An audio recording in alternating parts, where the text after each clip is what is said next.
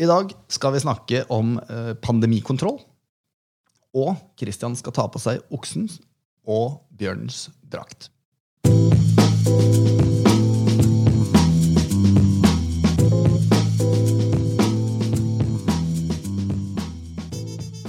Er du med meg, Christian? Selvfølgelig. Du, jeg tenkte at den gangen her så var det greit for oss å følge opp litt noen av de tingene vi snakket om sist. Eh, og Sist uke så eh, gikk vi litt i dybden på det økonomiske, på aksjemarkedet, på valuta, oljepris, renter osv. Altså viktige elementer for, eh, for 2021 og for så vidt alle andre år.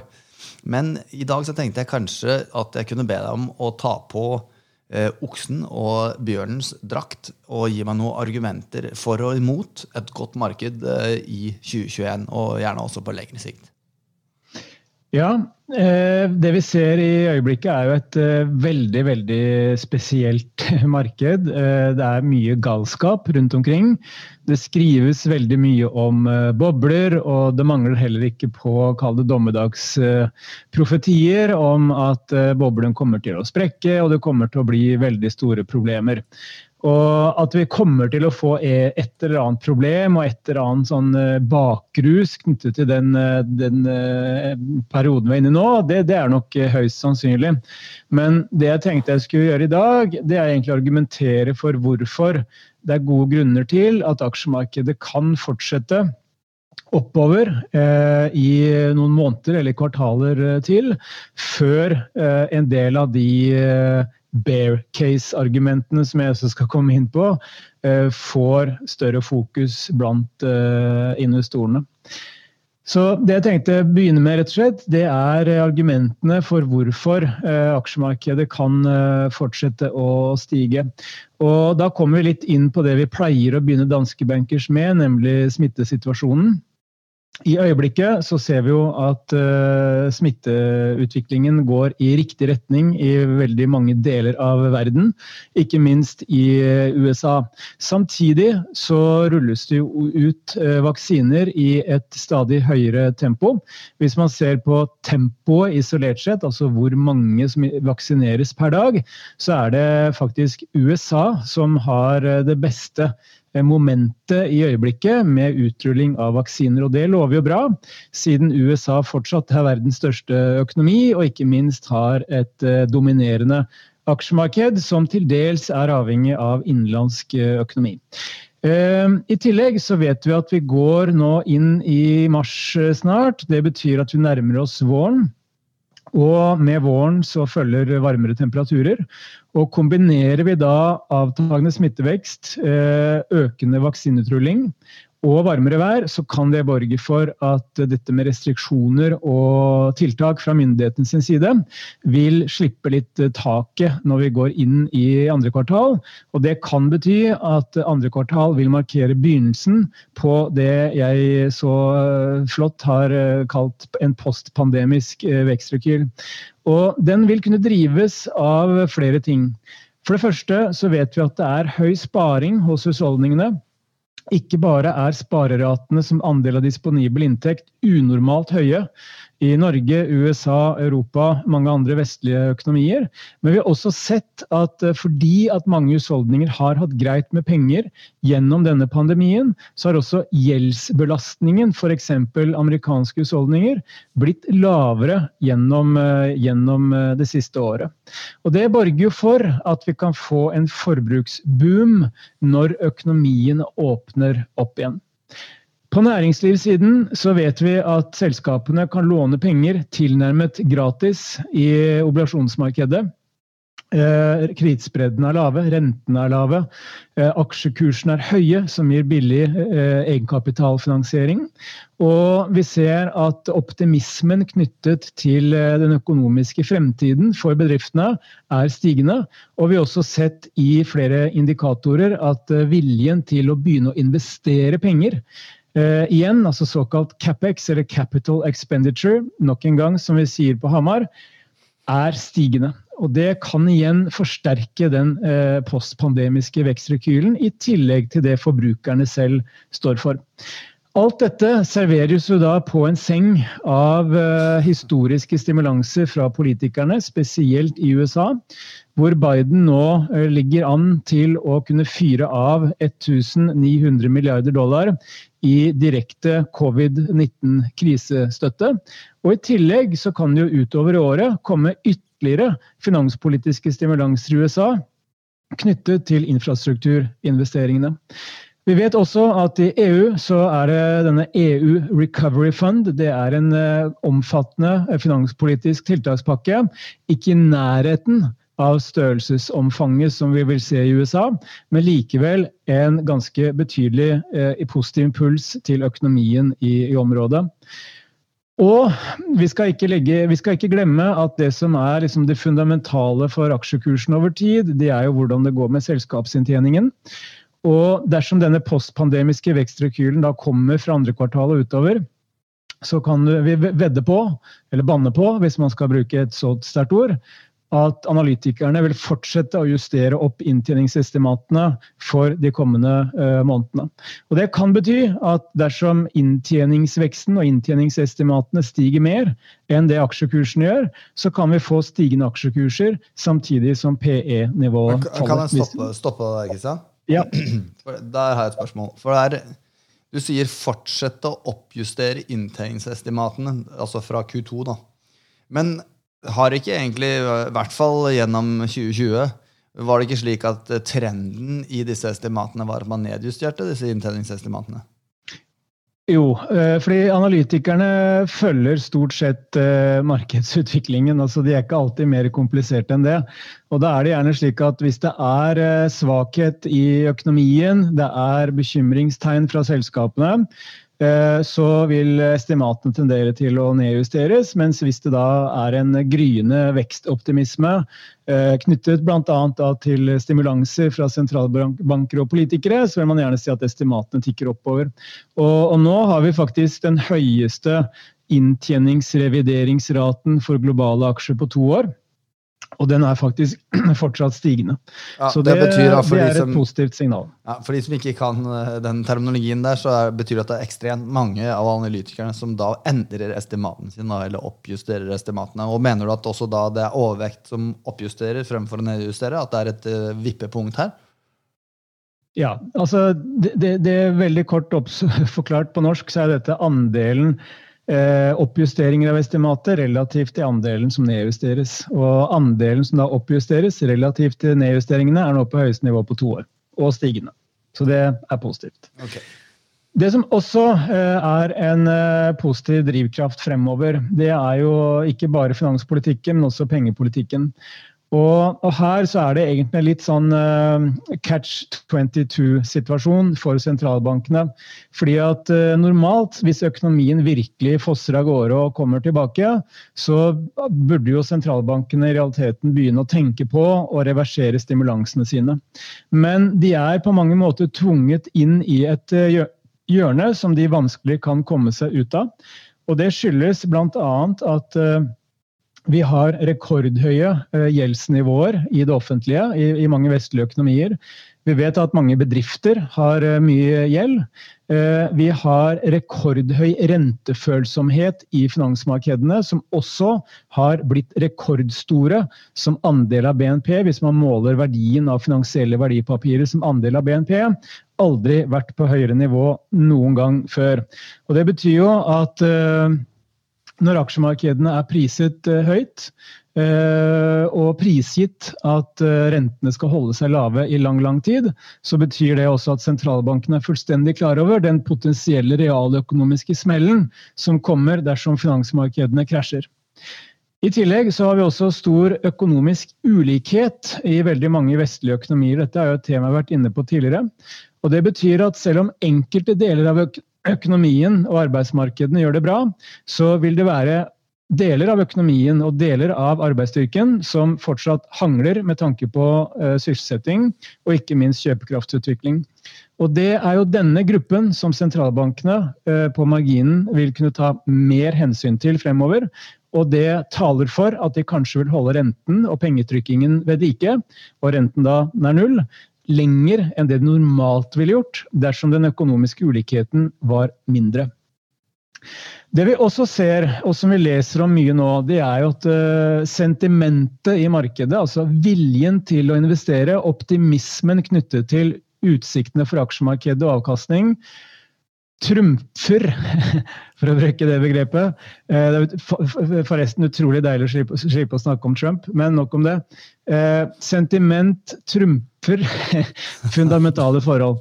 Altså, investorene bryr seg lite om om selskapene tjener penger eller ikke. Eh, man bryr seg relativt lite om om aksjemarkedet er dyrt eller ikke. Og Det er jo en kraft som man ikke skal undervurdere. Og historisk, når sentimentet er veldig veldig sterkt, så pleier det å være en viktigere drivkraft for markedene enn de fundamentale forholdene. Og vi vet jo at høye PE-nivåer i seg selv, eller strukket posisjonering i seg selv, sjelden har utløst noe krasj i aksjemarkedet uten at det kommer et nytt sjokk inn i bildet. Og sist, men ikke minst, på bull-caset mitt, så har jeg den strukturelle økningen i etterspørselen etter aksjer. Se bare på den enorme interessen både fra private investorer, gamle som nye, og da tenker jeg ikke på alder, men de som har erfaring og de som nettopp har kommet inn i dette gamet her. Eh, vi har sett rekordmange nye aksjehandelskontoer. Vi ser ganske betydelig nettotegning i, i aksjefond i Norge. og de siste månedene også rekordmye penger inn i aksjefond eh, globalt.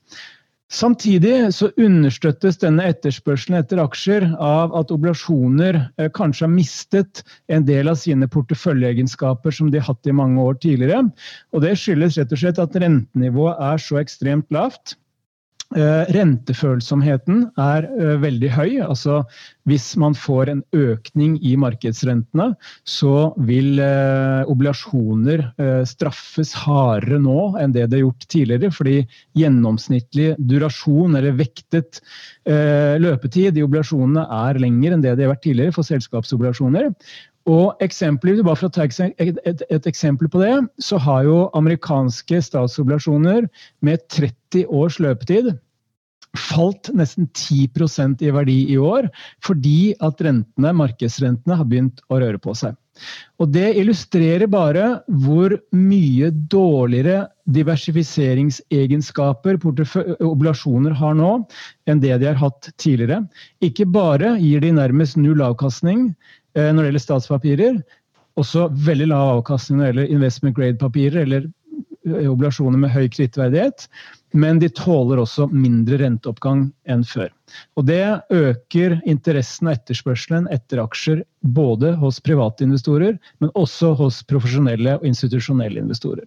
Så dette er de liksom viktigste drivkreftene som, som, jeg, som i utgangspunktet er en skeptiker, må innrømme tror kan bidra til at aksjemarkedet kan ha mer ben å gå på de kommende månedene. Og Oppsummer da det i stikkordsform. Jeg understreker stikkordsform, Kristian. Eh, jeg blir jo tidvis litt støl i hjernen av å høre på deg, men gi meg stikkord nå på de positive elementene.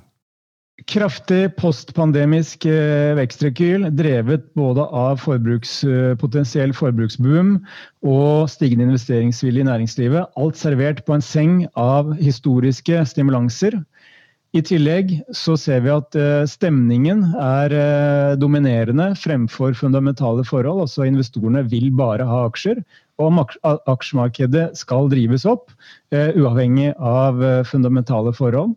Og det siste strukturell økning i etterspørselen etter aksjer, bl.a. fordi oblasjoner har mistet sine diversifiseringsegenskaper. Noen av dem i hvert fall. Det er, det er vakkert, Kristian. Da lar vi lytterne våre få lov å fordøye det i to sekunder før vi beveger oss over til ditt favorittområde.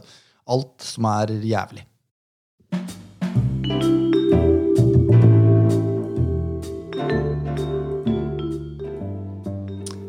Og kjenner jeg deg rett, så har du sikkert en ganske god smørbrødliste der over de tingene som ikke er fullt så bra. Ja, men eh, for eh, å, å skåne lytterne så skal jeg ikke bruke altfor mye tid på det. Men det er klart at når man er inne i en markedsfase hvor sentimentet eh, dominerer de fundamentale forholdene, altså sentiment er viktigere som drivkraft for aksjekursene enn fundamentale forhold, så er ikke dette noe som eh, er et eh, balansert ekvilibrium, som man sier på veldig fint hedmarksk. Det er en, en situasjon som ikke kan være evigvarende. Eh, og det gir samtidig et, høy, en høy følsomhet for negative sjokk. og Det betyr at når man har så ekstrem risikovilje som man ser i markedene nå, så betyr det også at nedsiden er betydelig større enn normalt eh, dersom noe nytt og veldig negativt rammer eh, økonomien eh, eller finansmarkedene. Det kan også knytte til dette begrepet med mean reversion, som heter på engelsk.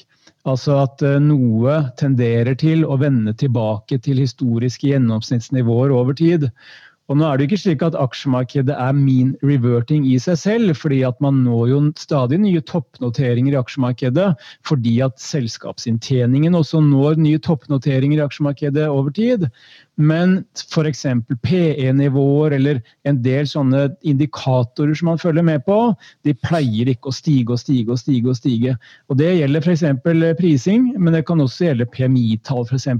Altså disse vekstindikatorene som vi følger med på.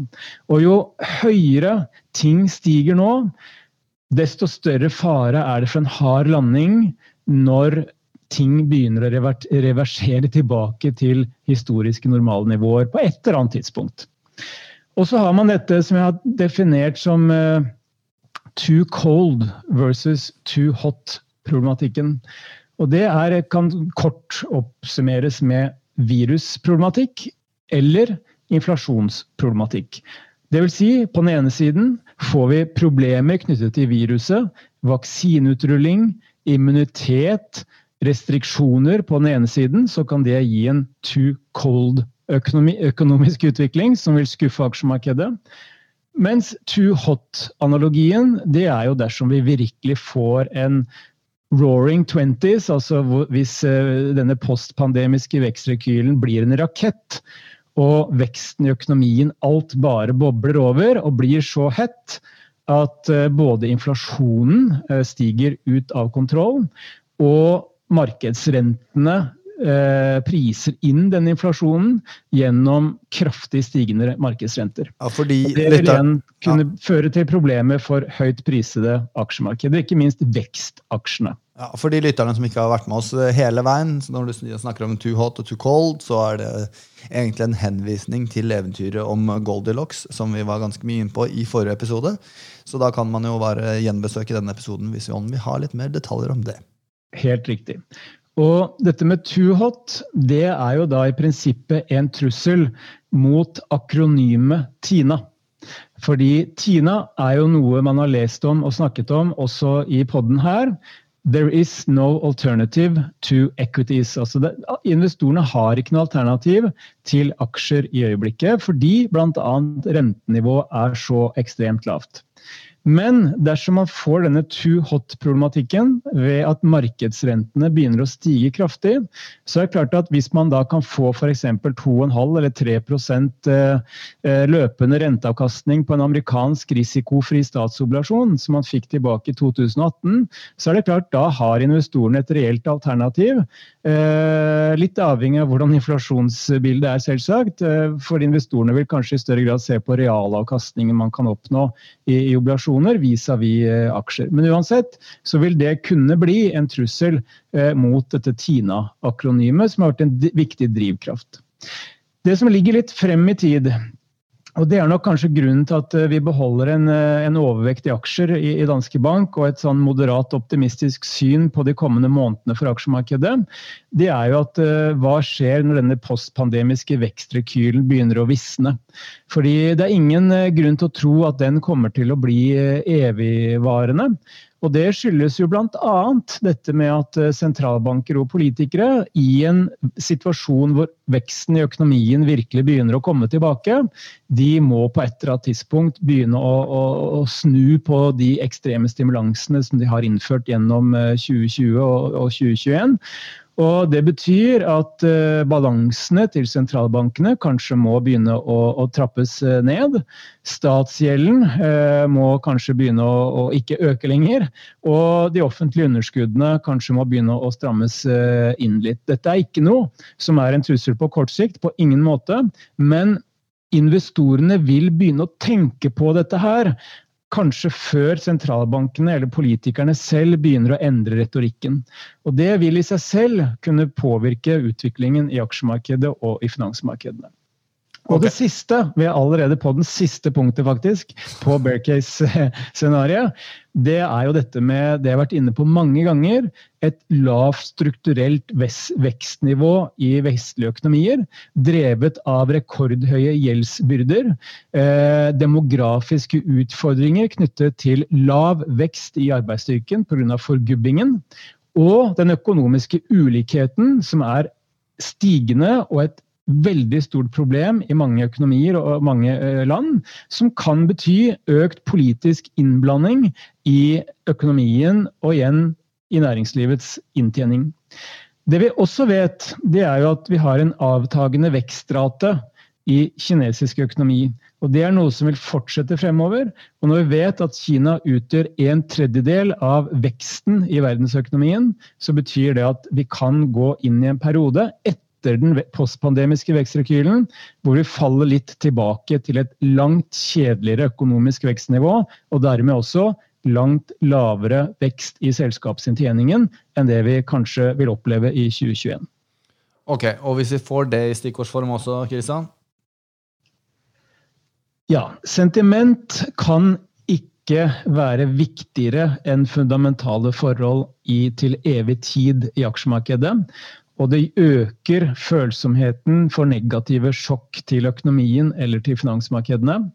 Eh, vi har too cold versus too hot-problematikk, som vi kort kan oppsummere med virus vis-à-vis inflasjons-renteproblematikk for aksjer. Og hva skjer når vekstrekylen visner? Og det knyttes jo opp imot det jeg kaller et lavt strukturelt vekstnivå i vestlige økonomier. Og det siste, og kanskje det viktigste utover i året, det er når vil investorene begynne å tenke på at alle disse stimulansene de kan ikke fortsette å øke, men de må tvert imot begynne å reverseres. Ok, Det der var en eh, god oppsummering, Kristian. Og jeg syns det var en god oppsummering på begge, både det som er bull og det som er bear. Eh, da gjenstår det egentlig bare å ta pluggene våre før vi runder av. Hva vil du plugge den gangen her? Nei, nå er jeg så uttømt for eh, ord og handling at jeg aner ikke. Nei, ok, men da, vi, da, gjør vi det enkelt den gangen her.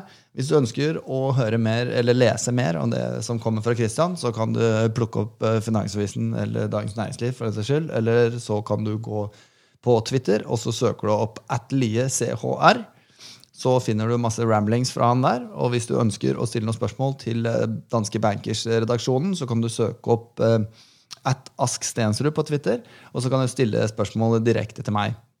Og den, og, den, redaksjonen er ganske svær. Det er helt vanvittig, og det, vil, det kommer også fram av følgerskaren til Ask Stensrud på Twitter. Men eh, det er i hvert fall bare å fyre løs hvis dere har noen ting eller problemstillinger også som dere ønsker at jeg skal plage Kristian med i poden her, så er det bare å sende meg en melding, så skal vi gjøre det. Da tror jeg vi bare runder av, Kristian, og så høres vi igjen neste uke. Det gjør vi. Ha det. Ha det.